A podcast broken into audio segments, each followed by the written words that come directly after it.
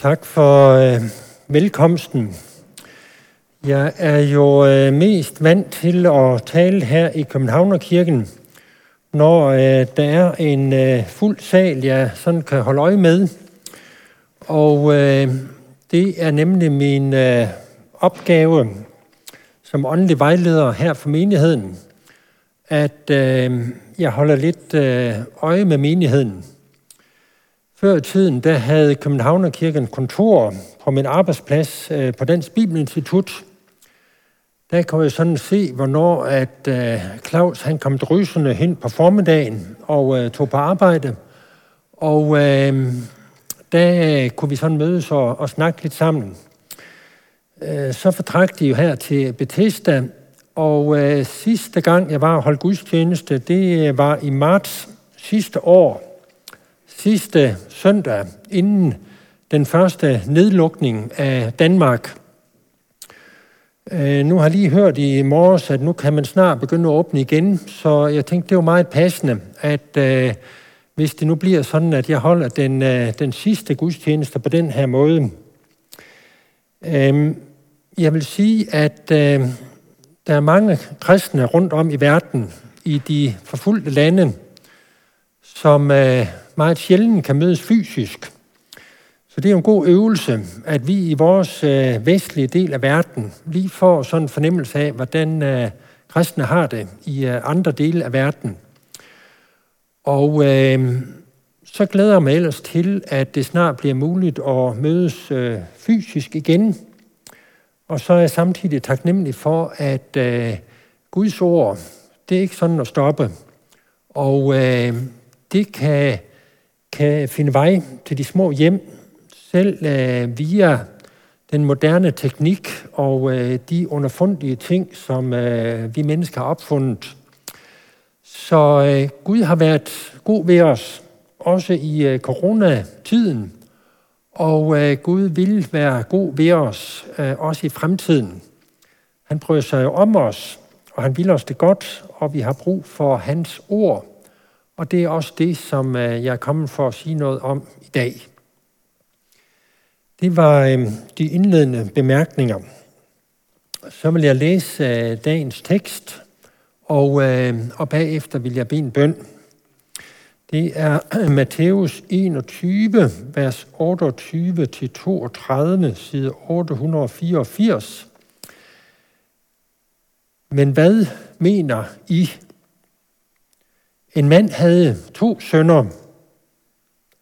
Han gik hen til den første og sagde, min søn, går ud og arbejd i vingården i dag. Men han svarede, nej, jeg vil ikke. Bagefter fortrød han og gik derhen.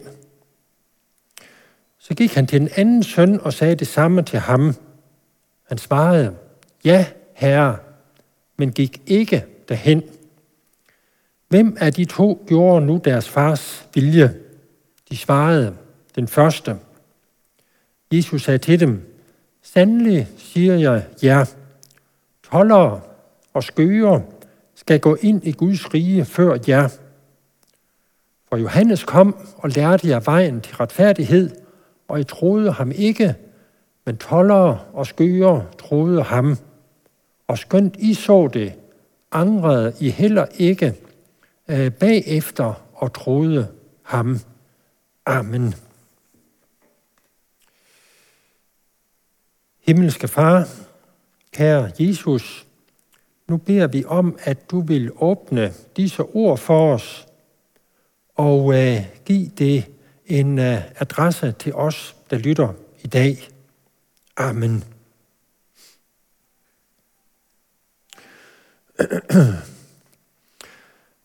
Teksten handler om en øh, ja-siger, der bliver til nej-siger, og en øh, nej-siger, der bliver til en øh, ja-siger.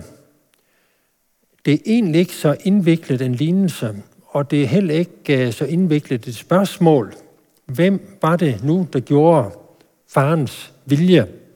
Det kunne de faktisk godt finde ud af på Jesu tid. Jeg vil starte med at øh, fortælle noget om en, øh, en nej-siger, som, øh, som jeg kendte godt for nogle år siden. Og så sniger jeg mig langsomt ind på, på teksten.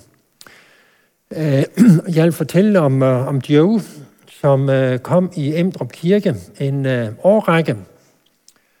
Han spurgte mig nemlig øh, en gang, øh, kan, man, øh, kan man sådan blive konfirmeret som voksen?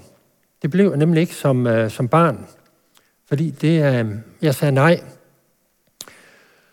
Og øh, jeg sagde, at det, øh, det kan vi finde ud af, men, men egentlig så er hver gang vi rejser os og øh, bekender troen, det gør vi nemlig syngende i Emdrup Kirke, hvis ellers ikke der er corona, så, øh, så er det sådan en slags konfirmation. Vi siger ja til troen på, på Gud. Øh, så egentlig kan du nøjes med det.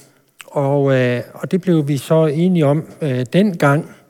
I dag ville jeg nok have gjort det lidt mere grundigt og givet ham sådan en øh, personlig konfirmation øh, med det hele.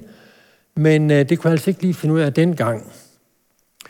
Men det blev så anledning til, at han øh, fortalte øh, noget fra sin livshistorie, som, øh, som jeg selv synes er lidt usædvanligt. Han øh, voksede op i et øh, kristen hjem, et, øh, et noget usædvanligt hjem, og var den ældste af otte søskende. Hans far var kirketjener, meget streng, og, øh, og Joe havde lige fra han var barn, så havde han et belastet forhold til sin far især. Og øh, det havde han besluttet at markere den dag, han skulle konfirmeres. Hvor at faren altså øh, sad nede på bænken sammen med resten af, af familien. Og øh, jeg fortæller ikke det her som et eksempel til, til efterfølgelse, øh, fordi øh, det var jo en øh, fyldt kirke med 300 festklædte mennesker, og øh, konfirmanderne de kom op til alderet og stod der på ræd og række, og så gik præsten, som øh, jo er skik og brug, fra den ene til den anden, og øh, stillede tre spørgsmål, som man skulle sige ja på. Troen på Gud Fader, Gud Søn og Gud Helligånd. Og så kommer han til Joe, og øh, så siger Joe med høj og klar røst, nej. Og så blev der altså stille i kirken, sagde han. Præsten troede, han havde misforstået det, så han, han spørger en gang til. Og Joe sagde nej en gang til. Så blev præsten rød i hovedet og, og gik videre. Og øh, jeg blev altså aldrig konfirmeret, siger han så. Dengang jeg sammen med de andre vendte mig om og gik ned på min plads, der følte jeg, at jeg var det mest ensomme menneske på hele jorden. Der var ikke en, der kiggede på mig, og da vi gik ud af kirken, der var ikke en eneste, der hilste på mig. Jeg stod bare øh, for mig selv, og, øh, og folk lå, som om jeg ikke øh, eksisterede. Senere samme dag, så fik han en gave fra sine forældre. Det var en bibel. Og øh, så sagde Joe nej. Og øh, så endte det med, at han sad ude i køkkenet og spiste lidt rester, mens familien de sad øh, inde i stuen. De holdt ikke fest, fordi der var ikke rigtig noget at, at fest for, så, så dagen den var sådan lidt øh, spoleret. Joe han øh, forlod sit hjem øh, kort efter. Han øh, tog en uddannelse som øh, møbelsnedker, og øh, dengang han lavede sit svendestykke, det gør man inden for den branche, så, øh, så gjorde han det faktisk så godt, at han fik en udmærkelse. Og øh, det blev besluttet, at han skulle have en øh, præmie, øh, som skulle overrækkes i Otfellow Palæet, et kendt sted her i København, af selveste prins Gemalen, Henrik, hvis I husker ham. Øh, men så havde været i dårligt selskab, siger Joe, fordi der var nogen, der havde overbevist ham om, at det var altså noget øh, stor kapitalistisk noget at, at få sådan en øh, medalje så da prinsen efter nogle velvalgte ord overrækker ham medaljen, så siger Joe nej. Og øh, så sagde øh, prins Henrik noget meget hurtigt og meget voldsomt. Jo, han vidste faktisk ikke, at en kongelig kunne øh, udtale sig sådan. Øh, han fik aldrig sin øh, medalje. Øh, så, øh, så det var Joe. Han øh, er en ærlig mand, det må man jo sige. Øh, jeg har flere gange fortalt den til mine konfirmandhold, ikke som et eksempel til efterfølgelse, men øh, for at få dem til at tænke lidt over, hvad øh, det egentlig er, der foregår i forbindelse med øh, konfirmationen. Så gik der en 15 år eller sådan noget, at jo, han øh, blev psykisk syg og var indlagt, og øh, så havnede han på et tidspunkt i Emdrup. Og der blev han kirkegænger, og på den måde lærte jeg ham at kende, og han blev en del af, af vores lille studiekreds, og jeg var tæt knyttet til ham en årrække. Og der blev han en, en ja-siger, og øh, der vil han gerne konfirmeres. Øh, det er 15 år siden, at øh, han forlod Emdrup, men jeg øh, besøgte ham i sommer, og Joe han er stadig en øh, ja-siger. Der er egentlig ikke særlig meget i hans liv, der er lykkes, men, øh, men det egentlige forhold til Jesus Kristus, der er han øh, klar i mailet.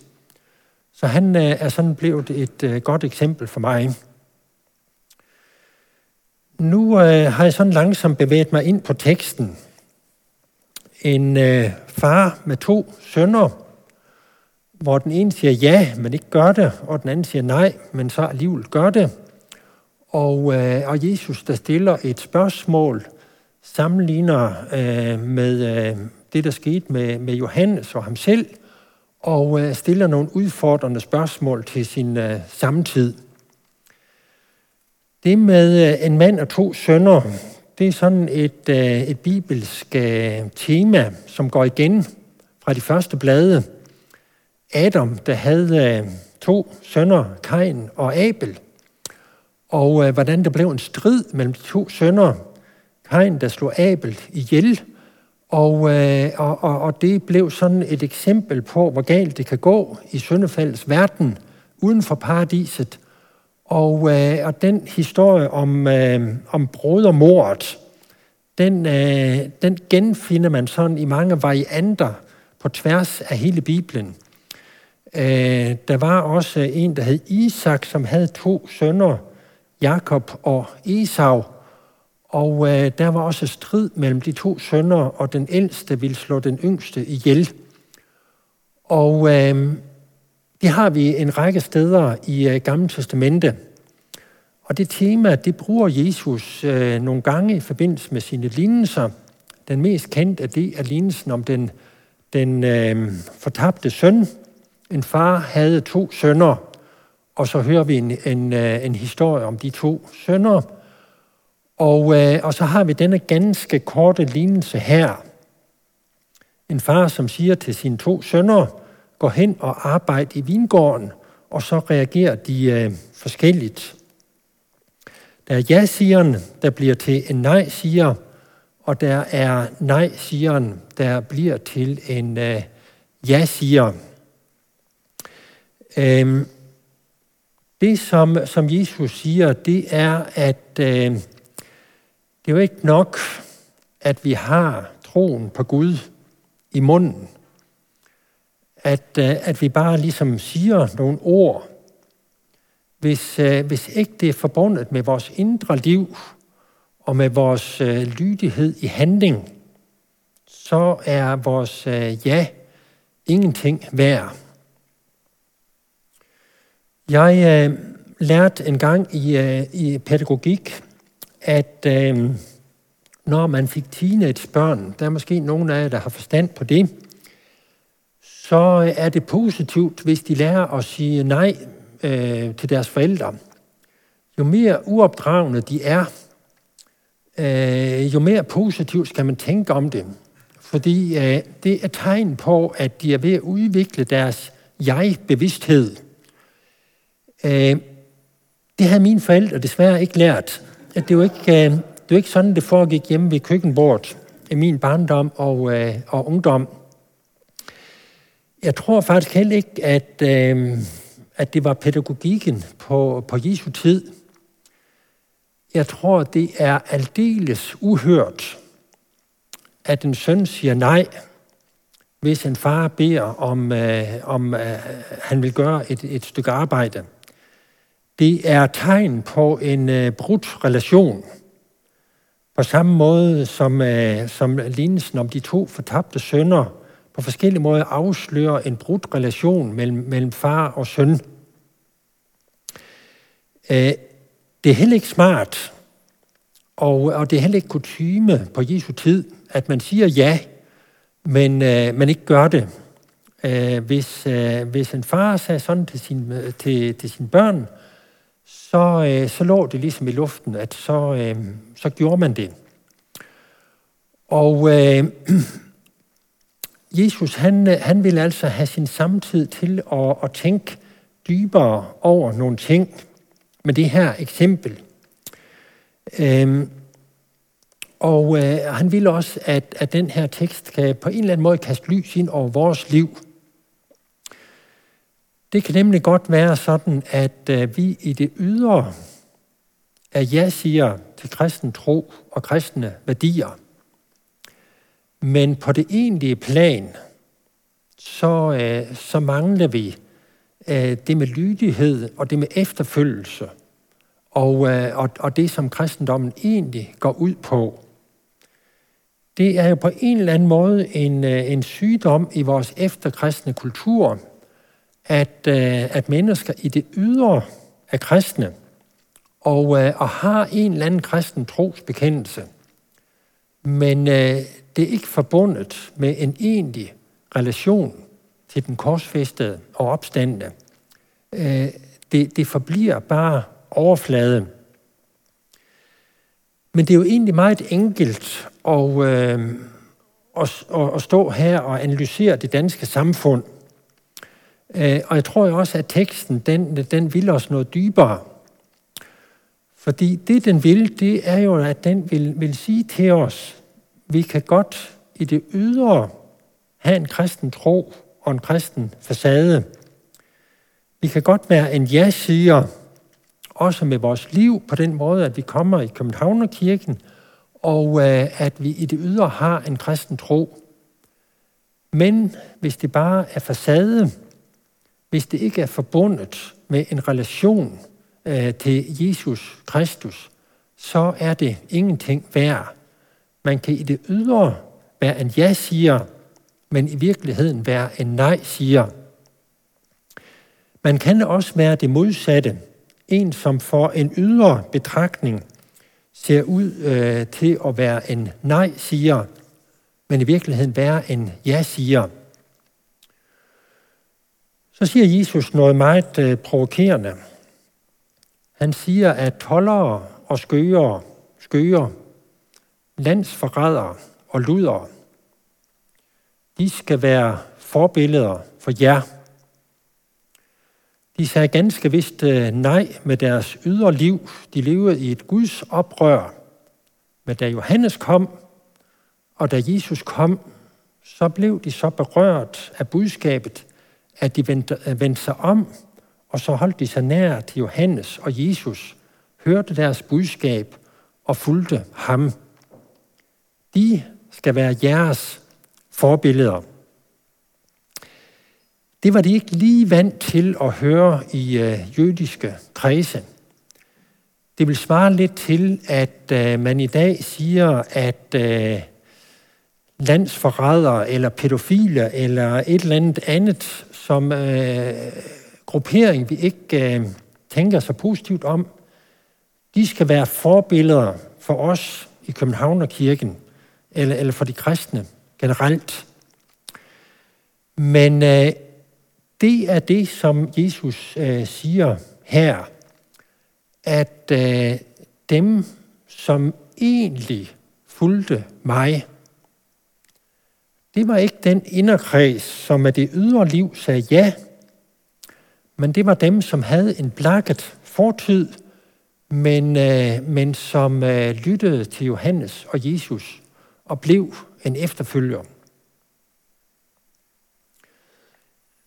Jeg vil godt øh, nævne et, et andet eksempel fra Emdrup Kirke. Vi havde også mere normale typer end øh, Joe og ham, som jeg fortalte om før. Øh, men men øh, det var også en, som kom i vores øh, studiekreds. Han, øh, han var tidligere bankrøver, og han øh, havde siddet i fængsel for væbnet røveri. Og, øh, og han var blevet, blevet kristen, fordi hans kammerat var blevet kristen. Og, øh, og så var han begyndt at komme i øh, Emdrup Kirke. Ham havde jeg mange samtaler med, og øh, på et tidspunkt så stillede han mig spørgsmålet, hvordan, øh, hvordan ved man egentlig, om man er rigtig kristen? Jeg synes, jeg kvejer mig så tit.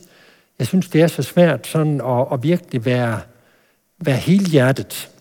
Øh, hvornår er man egentlig kristen? Så sagde jeg, at øh, jeg har lært af Søren Kirkegaard, jeg tror, at, at, at han har en pointe. Hvis du har brug for Jesus, så er du kristen. Hvis du kan klare dit liv selv og dit gudsforhold selv, så er du ikke kristen. Okay, siger han så. Så slår han sin kammerat på skulderen, ham har han mødt ind i fængslet. Så siger han, hvis der er nogen i hele København, der er brug for Jesus, så er det os to. Hans øjne, de lyste af glæde, dengang han, øh, han sagde det. Øh, jeg har aldrig glemt den, øh, den sætning af Henrik. Og øh, han har været et af mine forbilleder. For år efter, da han forladt Emdrup Kirke, så, øh, så vågnede han aldrig op af sin seng. Han, han døde meget pludselig i en ung alder. Og øh, hans far fortalte, at der var jo et eller andet underligt med Henrik, siden han begyndte at komme i Emdrup Kirke. Der lå en slidt bibel ved siden af hans seng. Selvom jeg havde mistet kontakten med ham, så havde Guds ord ikke mistet kontakten med ham. Han var egentlig en nej-sider øh, siger af oprindelse, men han blev en ja-siger. Han blev et forbillede for os andre. Når jeg engang skal dø, så vil jeg gerne dø som en, der har brug for Jesus, som en, der er hjælpeløs og som ikke kan klare mig selv.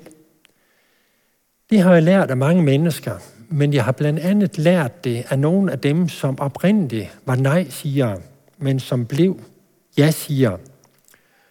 Og det er egentlig øh, budskabet fra mig her i dag. Det afgørende, det er ikke din, øh, din kristne startopstilling, om du i det ydre har gjort og sagt det rigtige hele dit liv. Øh, det egentlige spørgsmål, det er din relation til Jesus. Og den viser sig først og fremmest i handling, i lydighed, at man går hen og arbejder i vingården, at man gør sin gerning for Gud, og at, at alt det, man gør i sit liv, det udspringer af relationen til ham. Så det er budskabet fra teksten til os i dag. Hvordan er vores relation til Jesus? Ligner jeg ja-sigeren, som blev en nej-siger, eller nej-sigeren, som blev en ja-siger? Amen.